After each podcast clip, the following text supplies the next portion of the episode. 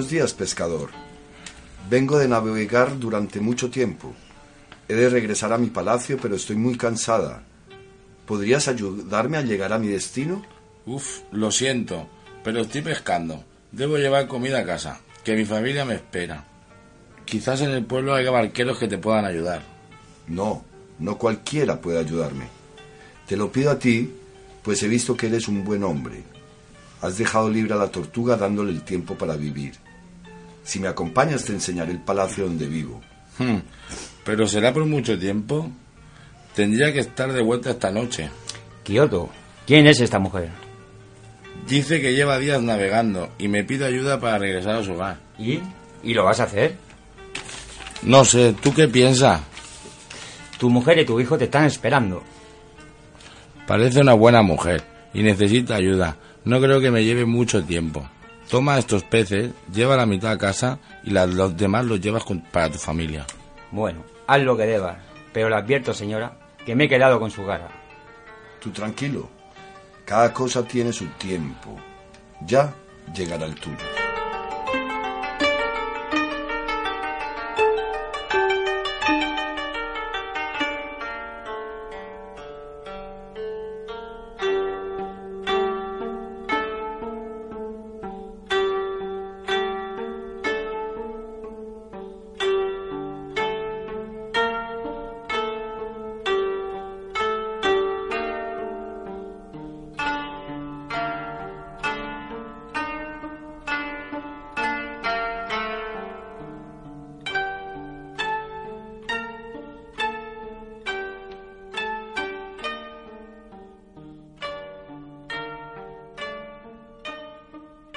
Connecta amb Hiperactivicat.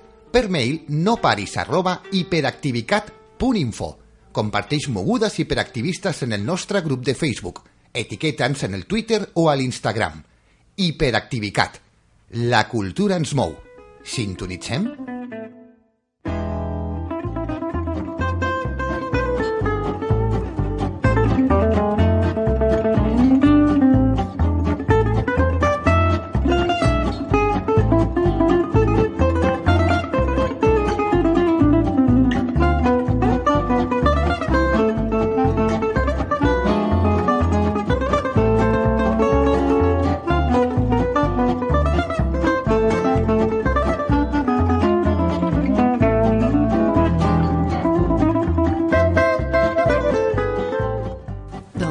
baixa el taló i comença el programa de ràdio de l'hiperactivitat a les zones. Avui molt ben acompanyada per tota la companyia de teatre que venen, que tindrem aquí el dia 26 de juny.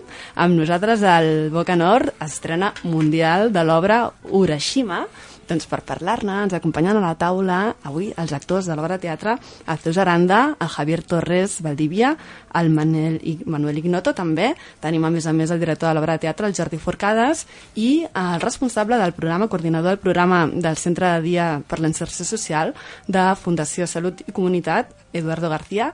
Doncs moltíssimes gràcies per ser nosaltres, benvinguts a l'Hiperactivitat a les Zones. Gràcies.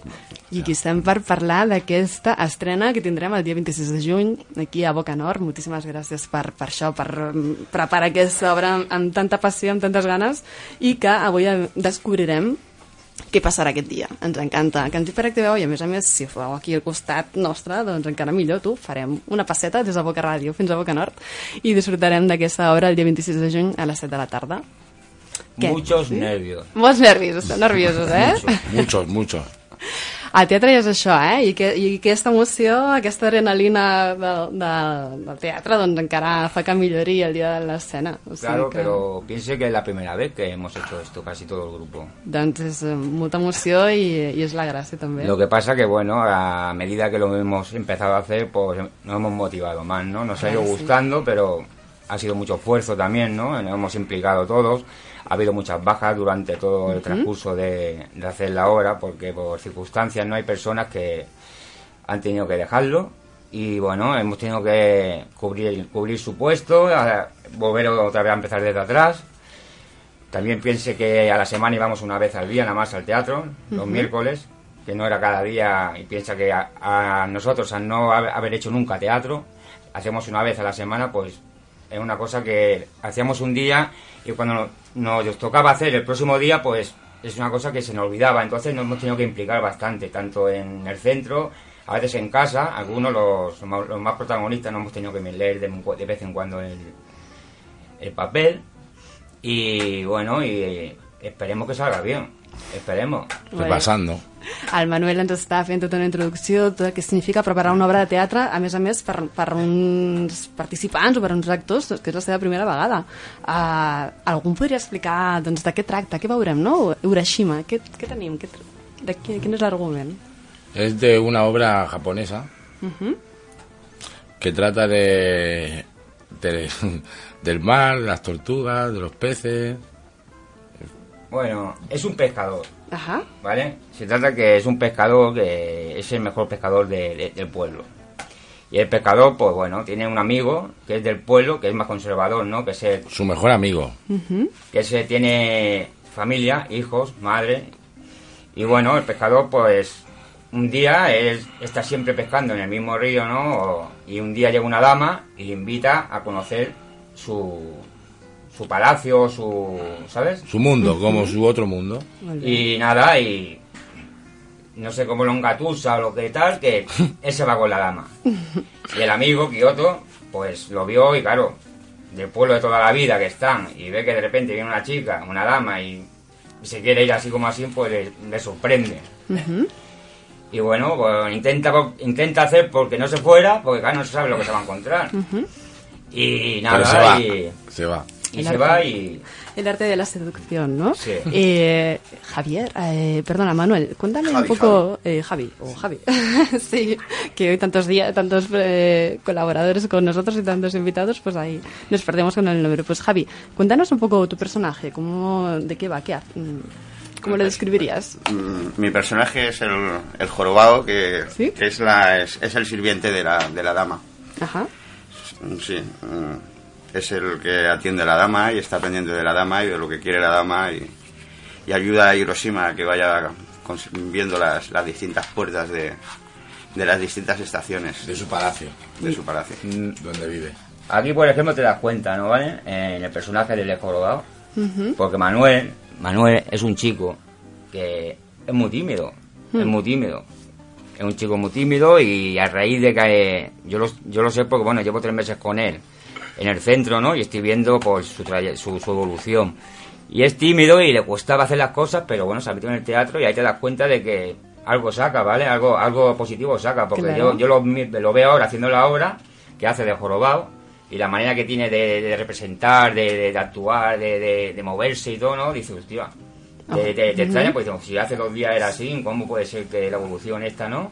Y ahí ves, pues igual que él, yo creo que nosotros pues también A todos. que ir viendo. A todos. Todos podéis sacar alguna cosa de, de toda esa experiencia teatral. Por ejemplo, Zeus, Sí.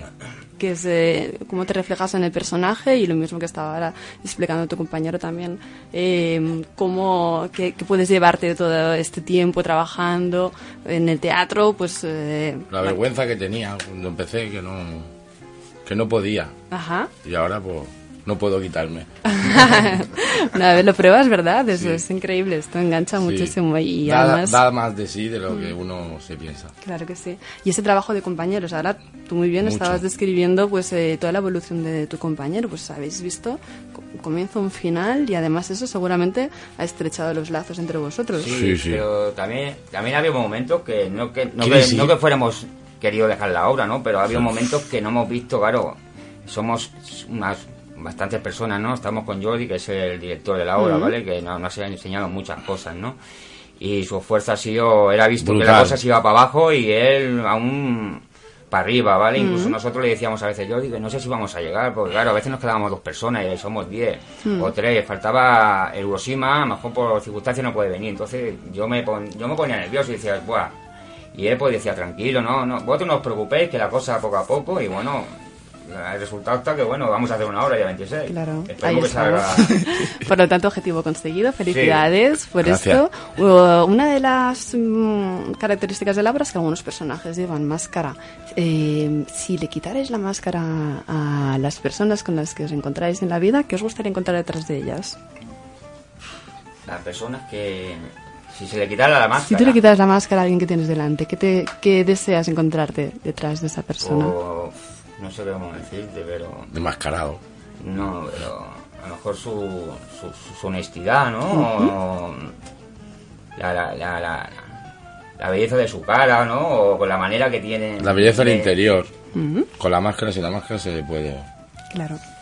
Si nos descubrimos, ¿no? Yo, puedo- yo, puedo- yo, no llevo, ca- yo, no, yo no llevo máscara. Ni yo tampoco. Y mira que soy vergonzoso y yo me la fuera puesto, pero bueno, yo no llevo máscara. Os enfrentáis al teatro directamente. Así. A pelo. Muy bien, pues esa, esa es la cuestión. Ah, y después de esta experiencia, ¿os gustaría dedicaros profesionalmente? Pues te digo la verdad, a ver, yo no, no te voy a decir que, que cuando acabe la obra, ¿no? Que yo nunca he hecho un teatro en mi vida. Y nunca he hecho teatro en mi vida. Y yo soy muy cortado y soy muy vergonzoso, pero bueno, te digo, te he dicho que empecé esto y esto me ha motivado y que era, ¿no? Pues una cosa que no es que me agrade, pero me gusta, ¿no? Antes no fuera ido en mi vida a un teatro. ¿Que me dedica al teatro? No lo creo, no lo Difícil. creo, ¿vale? Es difícil. Pero también te digo que igual, cosa que antes no fuera hecho, pues veo una obra por ahí un de teatro que me gusta o algo y, vaya a verla. Claro que sí. Sí, ¿verdad? O sea, Entonces, habéis encontrado pues Sí. atracción por el teatro, un amor ahí por, por, por esta manera de, de pasar un buen rato, claro, ¿verdad? porque ves lo que has hecho tú, el esfuerzo que has hecho y luego a lo mejor yo espero sacar una satisfacción, ¿no? A la hora de cuando acabemos la obra, ¿no? Entonces, pues ahí se ve la recompensa, ¿no? De que todo el esfuerzo de, de seis meses o cinco que llevamos ahí en, Tampoco es mucho, pero es tiempo. De, de unido, no está mal, no está mal. Es tiempo preparándolo y veremos el resultado el día 26 de junio, que va a ser excelente. Esperamos que todo el público se levante y haya una ovación ahí por, por vuestra obra de teatro. Invitamos a toda la gente. ¿Quién nos gustaría que viniera a veros el día 26 de junio? Bueno, la obra está mm, hecha para, para todo tipo de públicos, ¿vale? Mm, En fin, la, la gente, nuestros amigos y compañeros y familiares nos gustaría que vinieran, pero que la obra está dirigida a todo, a todo tipo de público. Hijos, mi hija, Claro que mi sí. mujer. Yo, pues, mi, mi hermana y, mi cuñado no creo que pueda venir porque está trabajando y mi sobrino. Igual seguramente venga, seguramente, porque ya me han preguntado si que cuándo se iba a hacer la obra y yo al principio le decía Me no, no le decía nada porque no quería que vinieran. Porque "Ve, va", digo, "Buah, esto va a salir, y yo no, "Ve, va. Pero bueno, como veo que va la cosa va mejor y Eso. pues bueno, también cara a ellos, ¿no? Que vean que algo, algo, que, que el cambio que he dado y que me vean. Y seguramente mi hermana y mi sobrino. Pues esperamos a toda la familia, a todos los amigos, a todos los vecinos, a toda la gente de aquí de alrededor del Bocanor también, que se vengan a veros el día 26 de junio a las 7 de la tarde en Bocanor, carrera dels Agudels, número 3745. Ahí estaremos con vosotros viendo Hiroshima. Muchísimas, gra- Hiroshima, muchísimas gracias por vuestra aportación y ahora vamos a descubrir un poquito más de todo este trabajo con el director, con Jordi Forcades. Benvingut, eh, Jordi. Gràcies. Moltíssimes gràcies per tota aquesta feina que sempre expliquem des de l'hiperactivitat a les zones. Ens agrada la gent valenta i aquest és un exemple de, de gent que es dedica a la cultura i a més a més amb un valor afegit, amb el valor social.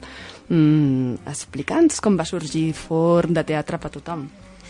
Bueno, el forn eh, porta 15 anys, aquest any estem complint 15 anys de feina. eh, jo vinc del món del teatre i sempre em va semblar que el teatre era, era algo difícil de practicar per part de tothom. No tothom pot estudiar teatre, em sembla que normalment només les classes més eh, econòmicament rentables poden accedir a, a l'art i des de que vaig estudiar vaig tenir el somni realment de fer un centre on tothom pogués participar. Uh -huh. I aleshores la finalitat era molt eh, de que tothom té dret a fer teatre, és una lluita ideològica i política, l'home té dret a fer teatre i no solament aquell que pugui pagar-se una escola. Ah, treballeu sobre el teatre de l'oprimit. Qui és l'oprimit? Doncs sí, eh, a veure, considerem que oprimit és tota aquella persona que d'alguna manera per la seva condició social eh, té un risc de viure en societat per la seva condició social. Ja sigui una dona, per exemple, les dones poden ser oprimides en el sentit de que poden córrer un perill permanent, eh, tota aquella persona que d'alguna manera això considerem que per la seva condició pot, pot ser víctima d'una opressió o d'una societat que d'alguna manera l'oprimeix. Per tant, és el que es diu ara els possibles exclosos socialment. Eh, i, I jo, bueno, mm, considerem que és eh, aquelles persones que d'alguna manera volen prendre un lloc a la societat, l'oprimit. No parlem tant de víctimes, sinó gent que d'alguna manera vol exercir el seu dret i els seus drets humans com a ésser social i que d'alguna manera no ho pot fer. Per tant, el teatre és una eina poderosa per anar a la recerca d'estratègies per vèncer les opressions personals o socials. Quan parlem de, del teatre de l'oprimit és inevitable pensar en Augusto Boal, Boal mm -hmm. precursor d'aquest tipus de teatre. Podríem dir que um, com a persones que han aportat de forma clau al teatre són noms com Aristòtil, Brecht i de Brecht a Boal? Totalment, totalment. Mm -hmm. Per mi eh, és molt interessant el, el lligam que fas tu perquè el Brecht pretenia un teatre que no fos solament per riure i plorar sinó un, re, un teatre també que qüestionés coses socials i eh, intentés que la gent realment de l'obra no sortís solament emocionada sinó sortís intentant ser més crítica amb el que passa a la societat Aleshores, el Boal el que fa és trencar una mica eh, el que la gent mirés. El Boal s'inventa un tipus de teatre on la gent puja a l'escenari a intentar solucionar l'opressió que planteja. La gran aportació al Boal és trencar aquesta quarta paret que es diu al teatre, que mm -hmm. és que hi ha uns que miren i uns altres que fan i per tant aquí és el, la gran aportació que fa ell.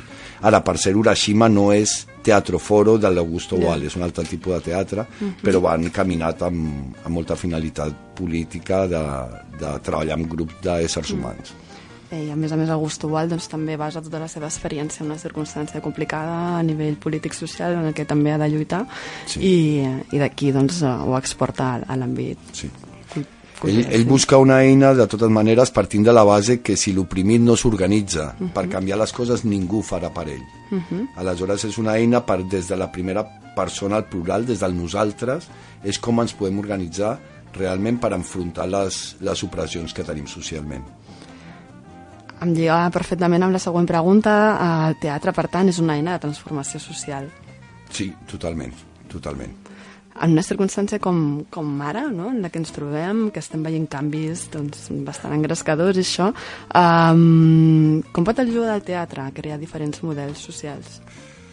Bueno, jo, jo crec que eh, solament remitint-me al grup a que, eh, al que estem fent Urashima, eh, crec que ja es pot entendre que realment eh, la transformació passa per tota la feina que han fet ells de saber treballar en equip, de posar un objectiu comú, per tant, aquí hi ha uns elements que el teatre ja de per si eh, ofereix, com és saber treballar en equip, saber realment descobrir-me el teatre i, i la transformació més enllà jo crec que el que és bàsic i el que intentem és que la gent tingui un anàlisi del que per què passen les coses. Uh -huh. Crec que estem en un moment actual que estem molt resignats, ens omplen d'impotència, de resignació, per tant el teatre el que pot permetir el, el que pot permetre és realment eh, fer un anàlisi de que les coses no passen perquè passen, sinó que sempre hi ha uns motius i unes causes darrere per les que passen. Uh -huh. I aquest diàleg que es dona dins d'una companyia de teatre, i teatre l'oprimit bàsicament,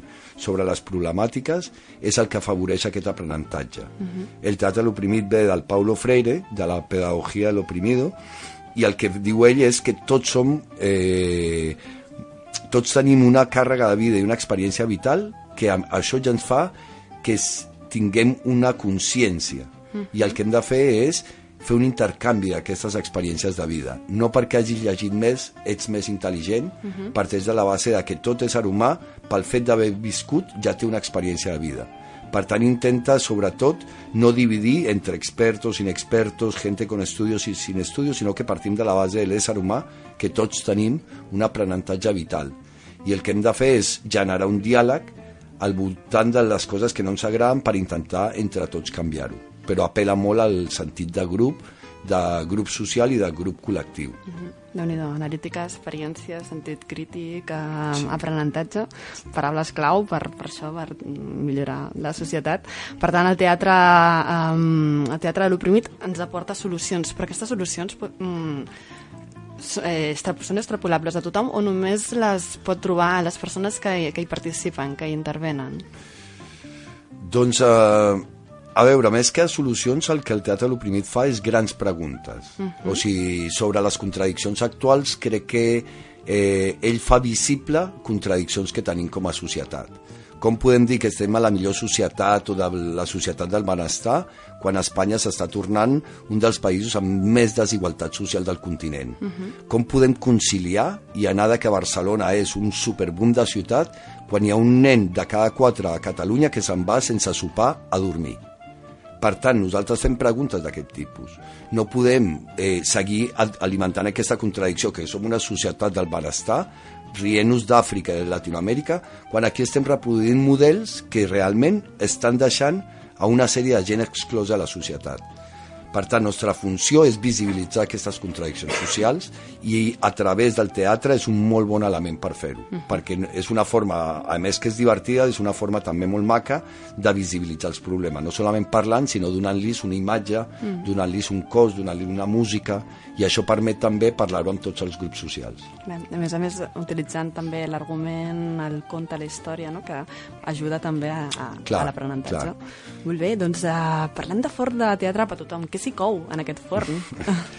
bueno, per tothom, eh, afortunadament, eh, amb aquests anys té diversos projectes. Diríem que el que veurem aquí el 26 de juny és l'obra Urashima, uh mhm. -huh. però també presentarem la companyia de joves de Patotom. Uh -huh. Són gent que ve, hi ha uns joves que venen de 3-4 anys de processos teatrals en Patotom, i, i també el presentarem i la temàtica d'ells, per exemple, aquest any és eh, l'assetjament escolar o el bullying. Mm. Aleshores, són temes que realment ells han creat la gran cosa del teatre oprimit és que no agafem guions d'altres, nosaltres escrivim els guions. Jo ho comparo molt amb anar a fer un menú o decidir tu què vols menjar, pues nosaltres passem d'anar a fer menús i el que diem és què volem menjar, què hem de menjar, quins temes importen als xavals. O sigui que no estem contra el teatre clàssic, però sí creiem que als col·les s'ha d'aturar de fer els pastorets. No. Per què? Perquè és una forma molt mal entesa d'entendre el teatre. Uh -huh. El teatre és, sobretot, és veure'ns a nosaltres com som. I a mi m'agrada molt perquè els joves poden trobar un espai per tothom, han trobat un espai on poden parlar del que els hi preocupa. Drogues, abús de la policia cap a joves del Raval, és un tema que contínuament estem lluitant contra això, l'estigmatització d'un jove per ser fill d'àrabs, l'estigmatització d'un jove per ser jove, estimem molt els joves, però no la, estimem la joventut, però els joves mm, no. Clar. Tots parlem superbé de la joventut, però després dels joves tenim mogollon de queixes. Per tant, jo crec que per tothom està oferint un espai de trobada. Uh mhm. -huh. I a part tenim tècnics, bueno, professors com jo, que venim del teatre, que podem, si volen, eh, oferir una eina artística. No és tant, la finalitat no és tant fer un espectacle, sinó viure processos humans. O sigui, que realment els joves, quan es trobin allà, sapiguem viure en comunitat. Uh -huh. I aquest grup, per exemple, que veieu de, de senyors i d'homes que venen del projecte de Salut i Comunitat, el que hem, sobretot, eh, jo diria que ens hem permès divertir-nos, volar i ser bons amics, que això a moltes companyies professionals de teatre no passa. Per tant, nosaltres fem molta més tasca a vegades que una companyia professional, uh -huh. perquè per nosaltres l'important és treballar amb la gent. Molt bé. Doncs això és fonamental perquè els projectes ruïns, si no t'ho passes bé, és molt difícil no? de trobar la força, l'energia, per això, per, per eh, una dedicació, trobar aquestes estones d'assajos, com estaven dient ara els companys, sí. doncs ja que, ja que ho hem de fer, doncs passem-nos-ho bé i això també a la vida, sí, ja, que, sí. ja que hi som. Doncs I tot amb els problemes que hi ha a vegades una companyia, que és falta mm. de gent, com explicava Clar. molt bé el Javi, doncs ha estat un procés difícil a vegades per, perquè ens ha faltat gent i tot, però aquí, curiosament, això ens enforteix més, uh mhm. -huh. perquè ara tots creiem més en el projecte. Quan parlaves també del tema de l'educació, no? un altre mm, punt fonamental que a vegades eh, costa trobar doncs, que qualsevol ésser subjecte de, de, de ser educat, que hi participi en aquest procés educatiu, que digui la seva, que decideixi com vol ser educat, també. Eh, ens estem acostumats a que ens vinguin les coses donades, ens ho hem de menjar i quan algú això no ho accepta i gira l'esquena, doncs aquest és una persona que està fora del sistema. Això Exacte. ho rebutgem. Com ho podem fer, no? Perquè, mm, escolta, jo necessito això, adaptem-nos mútuament, com ho podem fer, això? Exacte. Mm. Dius una gran cosa, per això jo em nego dir una mica eh, exclu eh, aquests són exclosos socials, no, és que hi ha mm. unes estratègies que practiquen alguns d'exclusió. Clar però justament si ens fixem actualment podríem qüestionar-nos realment la societat a qui està excloent. Uh -huh. I si comencem pels propietaris que han perdut les cases, veiem que aquesta bossa, bossa d'exclosos comença a augmentar perillosament. No? Uh -huh.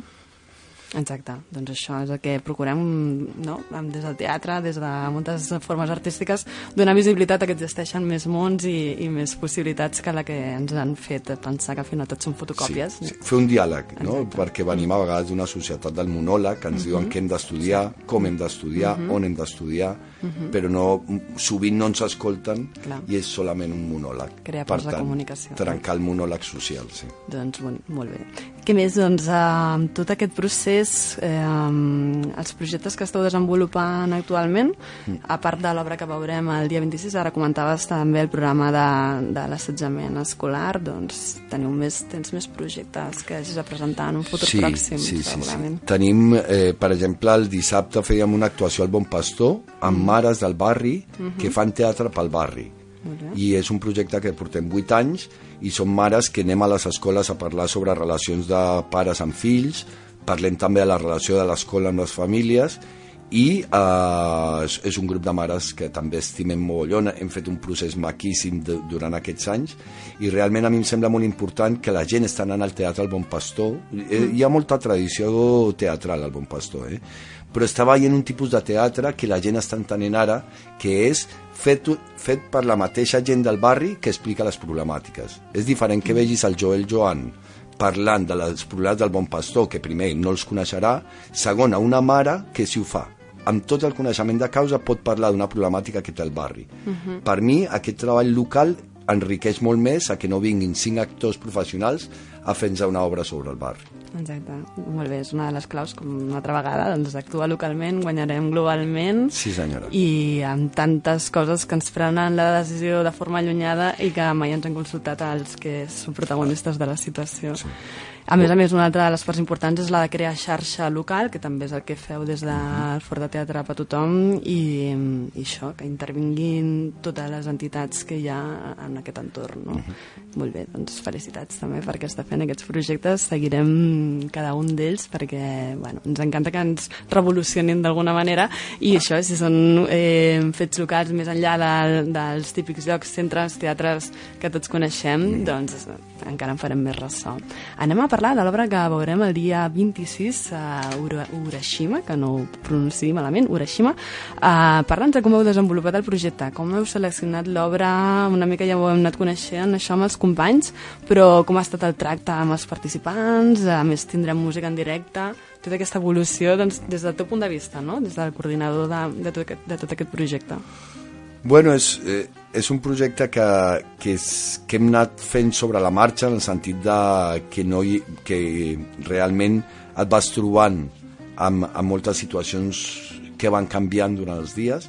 Eh, una mica el que hem intentat fer és anar creant grup i donar-li l'oportunitat que aquells que vagin apareixent al projecte no es sentin desfasats. Uh -huh. Per tant, el que intentem fer són classes molt còmodes perquè realment el, el que jo vull el que crec que li va molt bé a tothom és sortir diferent a com has entrat.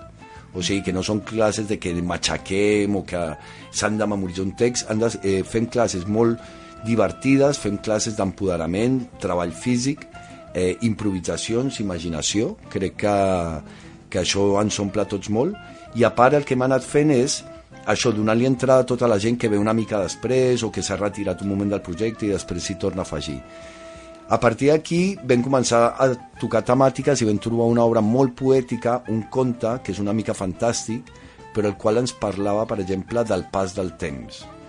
I quan vam llegir aquest conte, el vam explicar, els hi va agradar molt, perquè era un conte que, que és molt irreal. Imagina't que els actors no van vestits realistament, van amb roba japonesa, van amb uns kimonos, o sigui que hem fet un treball estètic bastant potent i ells han entrat molt bé a explicar aquest conte. D'aquí que podem realment buscar graus d'expressió que serien molt més complicats. Jo estic mm, enamorat d'aquest grup pel grau d'expressivitat que ha guanyat, perquè imagina't, eh, a vegades hi ha col·lectius que tu li dius a un home, posa't una falda, una faldilla i, tens un problema. Doncs aquí no s'han tallat, fan servir faldilles, fan servir màscares, fan servir tots els elements per fer un conte que és, que és molt maco, és molt poètic. Uh, tot aquest procés, al final, què és més important, el resultat o aquesta evolució, aquest, aquest procés des de començament fins al final? Bueno, una setmana de fer l'obra estem tots molt nerviosos, estem com un flan, estem veient com sortirà, eh, però realment jo crec que el gran aprenentatge ha estat aquests sis mesos de treball conjunt. Realment aquí hi ha, hi ha hagut moments meravellosos, hi ha hagut moments que ho hem passat molt bé, hi ha moments, com deia el Javi, que semblava que s'enfonsava tot, i d'aquí vam sortir reforçats com, com a companyia. A mi m'agrada molt perquè jo convido a la gent que vingui a veure aquesta feina perquè realment hem suat per fer-la, però crec que ha quedat molt bé. En aquest moment és molt important l'obra per nosaltres, però òbviament no és la finalitat mai del teatre a l'oprimit. Ara, si hem treballat, també ens volem donar a conèixer, sobretot per l'estigma que a vegades manegem en la gent. No? Pues nosaltres ara som un grup d'actors, amb un director, estem tirant una obra endavant i volem que la gent se n'adoni d'aquesta feina, perquè crec que té una molt bona acabat artístic. No? És una mica un dels objectius de la normalització. Aquests dies anteriors ho hem pogut veure en un festival, primera edició de l'altre festival, no sé si ho heu sentit a parlar Sí. aquests dies, exemplar, no? I és la manera de posem tots en situació normal, eh, a sobre d'un escenari posem companyies doncs, val, que podem parlar que podem parlar que hi ha persones que podríem etiquetar d'aquesta manera d'oprimits, per dir-ho d'alguna manera, però, però que en allà es troben en les mateixes condicions que la resta de companyies i que per tant tots eh, parteixen del mateix Sí. i l'experiència és, eh, és única, no? Mm, Felicitats també a aquests valents que, que tenim constància que els ha anat molt bé i, i aquesta feina doncs, que feu vosaltres eh, exactament igual. Um, més, més cosetes, què t'endús de tot aquest procés de, de treballar amb, amb aquests companys, amb, aquests, amb aquest Doncs jo el salero que tenen. Jo he rigut molt, tenen una imaginació brutal, a mi m'encanta treballar amb ells. Doncs eh, a vegades els actors, els actors més, de, més de professionals estan molt viciats. A mi m'agrada molt aquest punt de frescor que tenen ells, d'alegria, de riure-se'n i d'imaginació. És, és un grup que té una imaginació brutal. Per tant, jo m'emporto això. Després, personalment, doncs, que haguem pogut tirar la feina endavant és un dels reptes que, que teníem, que no, no és la primera vegada que, que surt, però dissortadament molts cops no surten aquests projectes. Per tant, jo veure que si és possible i que si podem, eh, a mi, bueno, això, això em fa molt feliç. Eh, Ara sí. falta que d'aquí al 26 realment ho fem i ho fem bé. Segurament això no ho dubtem. Uh, podries eh, dir si hi ha diferències... Crec que amb tot el que hem parlat ja, ja hem pogut trobar una mica la resposta, però hi ha diferències en treballar amb persones, eh, com dèiem ara, amb persones que podem englobar dins del grup dels oprimits o a altres persones que, que podríem dir que això, que una situació més, més normalitzada o més quotidiana? Sí, eh, jo crec que cada, cada, context, cada context social té la seva pròpia especificitat.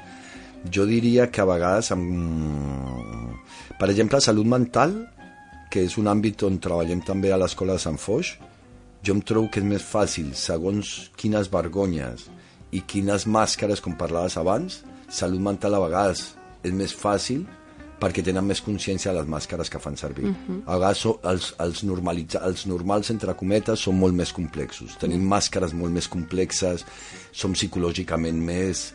Aleshores, segons el context, jo m'he trobat grups dificilíssims i són d'actors. Uh -huh. Per tant, a mi, a, a vegades... Eh, trobo que no hi ha cap diferència i si hi ha diferències a vegades és per millor segons el grup que per pitjor o sigui, segons el grup social a vegades em costa més diríem grups perquè el teatre té un problema que és molt competitiu i jo vinc d'una escola al teatre a l'institut on la competència actoral és forta, que tu eres más guapo que yo, que yo soy más guapa, que a mí me llamó eh, Mario Gas, que a ti no te ha llamado... És un molt, molt competitiu i a mi vaig sortir una mica cremat d'això. I a certs grups socials el sentit d'horitzontalitat eh, com un grup que ha sortit del moviment indignat que es diu Teatre sobre la marxa que també els dona un cop de mà en direcció doncs quan tu trenques aquesta cosa piramidal de l'actor protagonista, del director dios eh, humanament guanyes molt. I crec que el teatre el que ens permet és un treball realment eh, de diàleg de grup. I això és més fàcil amb certs grups que amb grups d'actors professionals. El teatre l'oprimit, com deia el Boal, ho poden fer fins i tot els actors, però no està pensat pels actors. Coneixes casos de persones que hagin passat pel forn i que hagin decidit dedicar-se al món del teatre? Sí. Aquí a l'obra no la tenim avui, la Olga. Sí. La Olga va començar amb un projecte d'aquest tipus fa sis anys i ara és una actriu de pa tothom. Déu-n'hi-do. Tenim a la Jupe Lilali, que és un dels actors que ara estan fent el príncipe de Telecinco, uh -huh. que han donat la sal, eh, el salt a, a la tele i que a nosaltres ens plau molt que realment hi ha gent que també ho ha pogut tornar una professió, encara que no és l'objectiu final, però sí tenim dos o tres persones que ara estan fent tele, a part gent que està fent d'actor eh, en companyies, però per exemple el cas de la Jub, del Moja, són joves que han passat per Patotom, que són quasi fills de Patotom, uh -huh. i veiem amb, amb beneplàcit que ara estiguin sortint per la tele, que estiguin cobrant un sou. Hi ha algú que li va passar a algú que és més que fer la tele, jo diria que una persona que venia d'un procés de, de reinserció social molt fort va arribar un dia a Patotom i em va dir Jordi, per primer cop m'aturen al carrer i no era per ser consumidor de droga.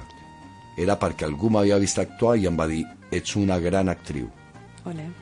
aquest canvi de màscara i d'estigma d'estigma per mi és més important que arribar a la tele. I jo, jo ploro de felicitat quan veig que una persona diu per primer cop no m'han tractat com un ladrón, com un moro, com esto, no? o com un jonqui, sinó que m'han tractat com un actor i això m'omple més que... I tant, ens sumem aquestes làgrimes de felicitat. en, en aquesta feina de- d'establir ponts entre aquests mons paral·lels que coexisteixen, um, tots en som responsables. Com podem treballar tothom per, um, per aconseguir que, que de- ens des- desetiquetem, no?, d'alguna manera? Ja, jo, bueno, jo crec que també hem de ser una mica indulgents amb nosaltres mateixos. Em- Estem en una societat que fomenta molt l'individualisme.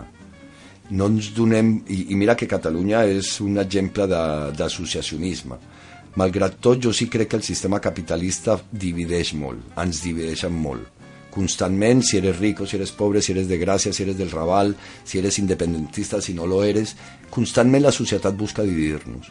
Jo crec que el, el gran repte és com ens unim com a societat. I ara estem a la recerca d'això. Potser no estem tots d'acord, però si hi ha un moviment social que està dient bueno, ens hem d'unir per canviar les coses. I a aquest punt jo crec que el que intentaran és dividir-nos, que no estiguem junts i que el gran repte de la societat és com ens podem unir realment per veure realment qui són els veritables opressors qui realment està entrant en una contradicció social, o sigui, qui s'està forrant en funció dels oprimits. I jo crec que és un repte que tenim realment. Ara la crisi, perquè les crisis no sempre són dolentes, ha permès el canvi que tenim actualment. I aleshores nosaltres també treballem amb l'aspecte positiu de la crisi. La crisi ens va fer veure de que el problema no era el pakistaní a l'esquina, és que el problema era el banc. I aquest sistema que hi hagi algú guanyant moltes peles amb els bancs s'ha d'aturar. I sobretot que si robes, vale, ho pots fer, però que no et passi res és molt heavy. Per tant, la impunitat d'aquest país, no sé, a vegades creiem que, ui, que estem en una societat molt avançada i jo crec que hi ha una gran impunitat.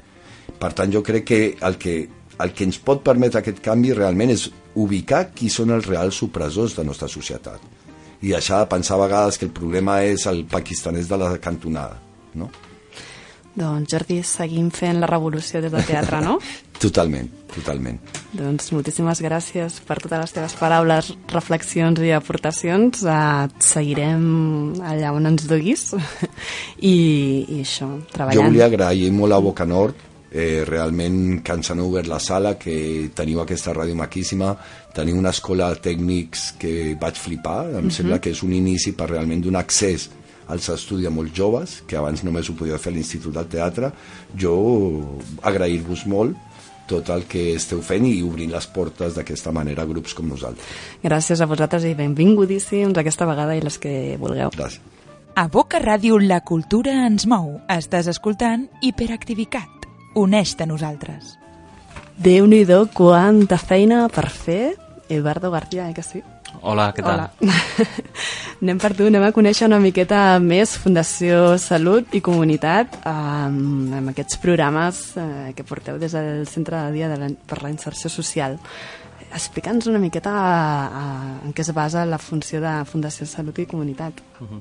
Bueno, te presento un poco Fundación Salud y Comunidad, es una organización sin ánimo de lucro, eh, bueno, que tiene un ámbito estatal y con proyección internacional, quiere decir que también estamos en, algunos proyectos eh, a nivel de Europa.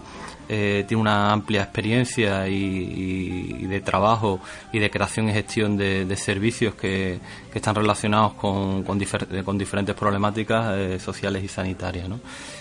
Concretamente con, con, el proyecto que, nos trae hoy aquí, trabajamos con el medio de la ejecución penal y bueno, Fundación y Salud y Comunidad es una, una entidad pionera en, en este tipo de programas. ¿no? Molt bé. Que, quin, aquests àmbits d'actuació que ens comentaves, els hem anat coneixent i a qui us dirigiu principalment? Mm. Eh, como, como, hemos comentado ya esta tarde y como ha comentado Jordi, eh, bueno, tenemos diferentes áreas de, de, actuación. Una muy importante y una que, no, que nos convoca aquí es el del desarrollo personal y el crecimiento personal. ¿no? Uh -huh. Entendemos que, que, bueno, que con, con, esta, con esta herramienta, con esta oportunidad de, de poder participar con, con Patutón, en, en, en, los talleres, pues bueno, mm, pensamos que, que, estamos contribuyendo también a que, bueno, a que, a que las personas que están eh, participando con nosotros en el centro de día tengan la oportunidad de poder tener, bueno, pues un, crecimiento y un desarrollo personal eh, dentro de un programa que, que aborda la inserción social y la deshabituación de, de, droga pues eh, con, un, con un, una visión diferente, ¿no?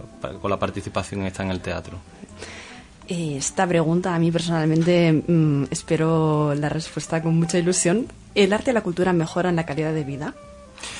Bueno, yo creo que se debe contestar por sí sola, ¿no? Uh -huh. No es una pregunta que, que, que quizá tengamos que darle muchas vueltas, ¿no? Eh, evidentemente para nosotros, claro que la mejora, ¿no?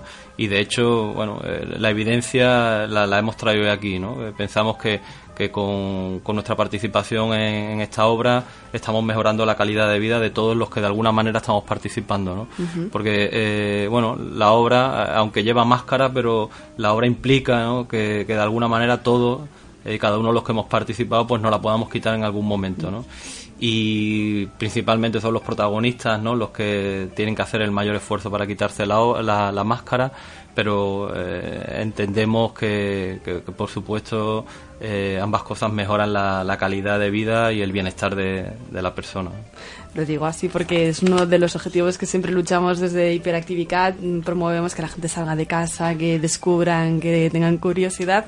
Y además, como profesional de la salud y de la cultura, siempre, eh, hablando de los puentes entre mundos, siempre intento conectar ambos, ambos mundos y, eh, y creo que este es uno de los proyectos que, que representan y que demuestran eh, que efectivamente es así. Y además también enlazando con, con uno de los temas que han salido hace no mucho tiempo noticias en las que desde los centros de salud eh, de atención primaria se pretende eh, prescribir cultura como, como terapia, ¿no? Pues, eh, bueno, desde aquí damos alas a este tipo de proyectos y, y este tipo de movidas. Nos encanta que, que podamos unir ambas eh, disciplinas para mejorar esa, la calidad de vida sí, de las personas. Perdona, pero también pensamos que, que, que, desde la cultura y desde de este tipo de ámbitos eh, también no, nos ayuda a poder eh, combatir ¿no? Eh, un elemento que también hemos podido hablar esta tarde que, que tiene que ver con, con, la discriminación, que tiene que ver a veces con una mirada de, de exclusión más, de, uh -huh. más que de inclusión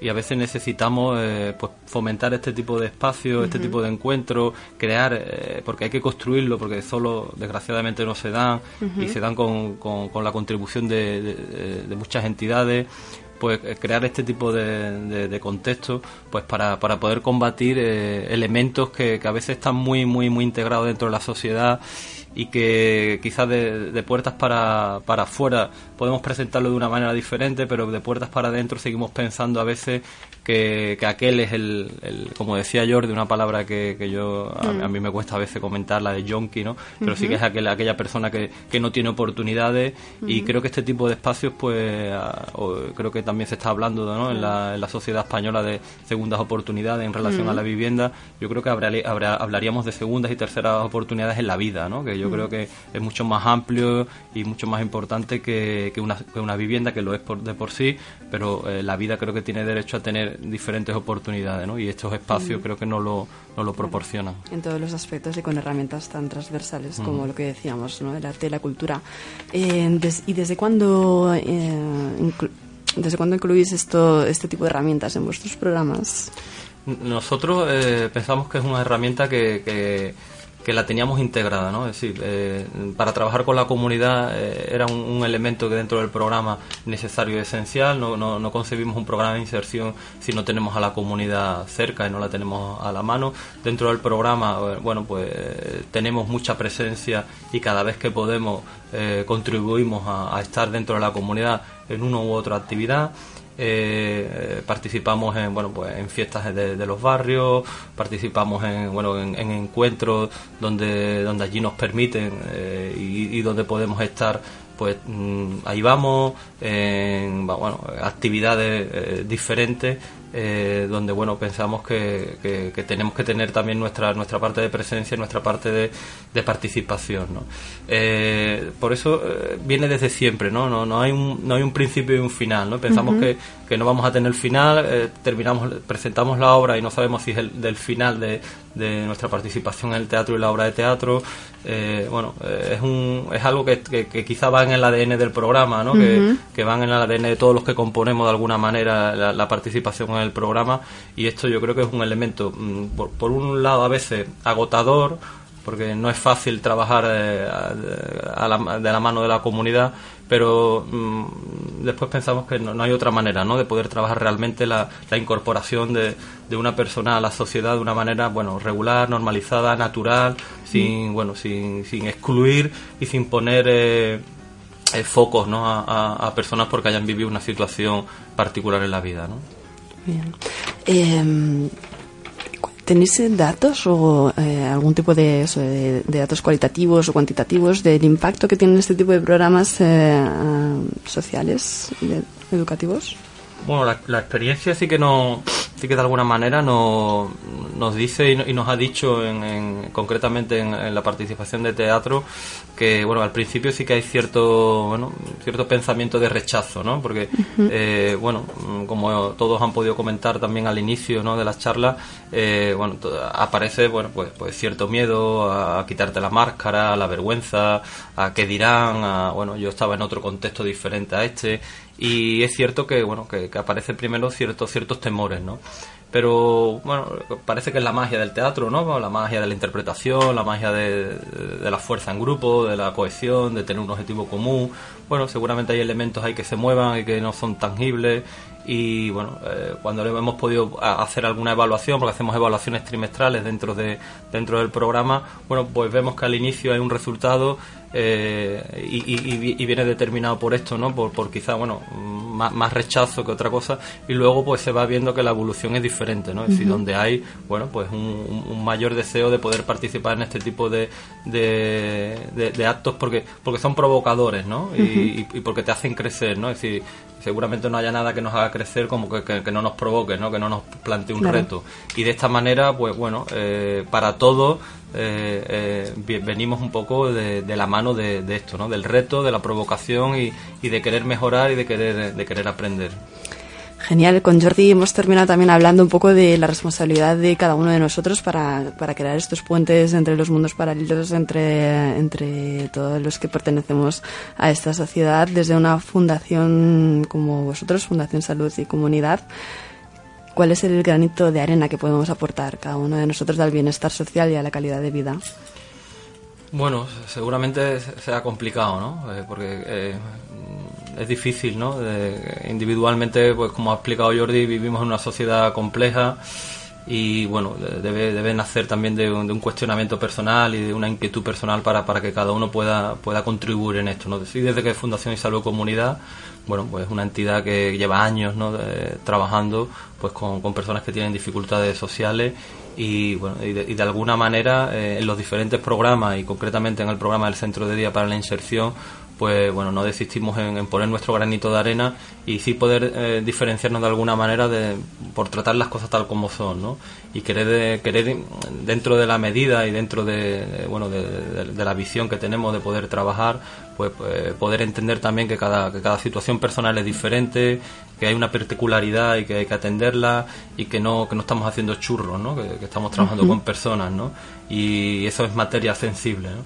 Entonces es muy importante pues bueno pues hacer actos como este porque nos ayudan a, bueno, a hacer difusión y a, a, poder llegar a, muchas más a muchas más personas, en este caso a todos los oyentes que, que tenéis, ¿no? Para bueno para derribar pues cualquier tipo de estereotipo, cualquier tipo de bueno de situación que, que los que, aleje un poco a la ciudadanía de bueno de, personas que están en, un, en una fase de la vida en las que están buscando pues eh, volver a incorporarse. Genial, pues muchísimas gracias por toda esta aportación, por romper estos muros, por llegar a todos, por estar aquí con nosotros eh, compartiendo onas en, Boca Radio. Gracias Jordi, gracias también eh, Eduardo, gracias Javi, gracias Zeus, gracias Manuel por estar con nosotros porque habéis trabajado duro y porque vais a estar ahí mm, eh, mostrándonos todo este trabajo de estos meses el día 26 de junio a las 7 de la tarde aquí en el Spy Jova Boca Nord. Y gracias por cambiar el mundo desde vuestra parcela. A vosotros, muchas gracias. Eh. gracias.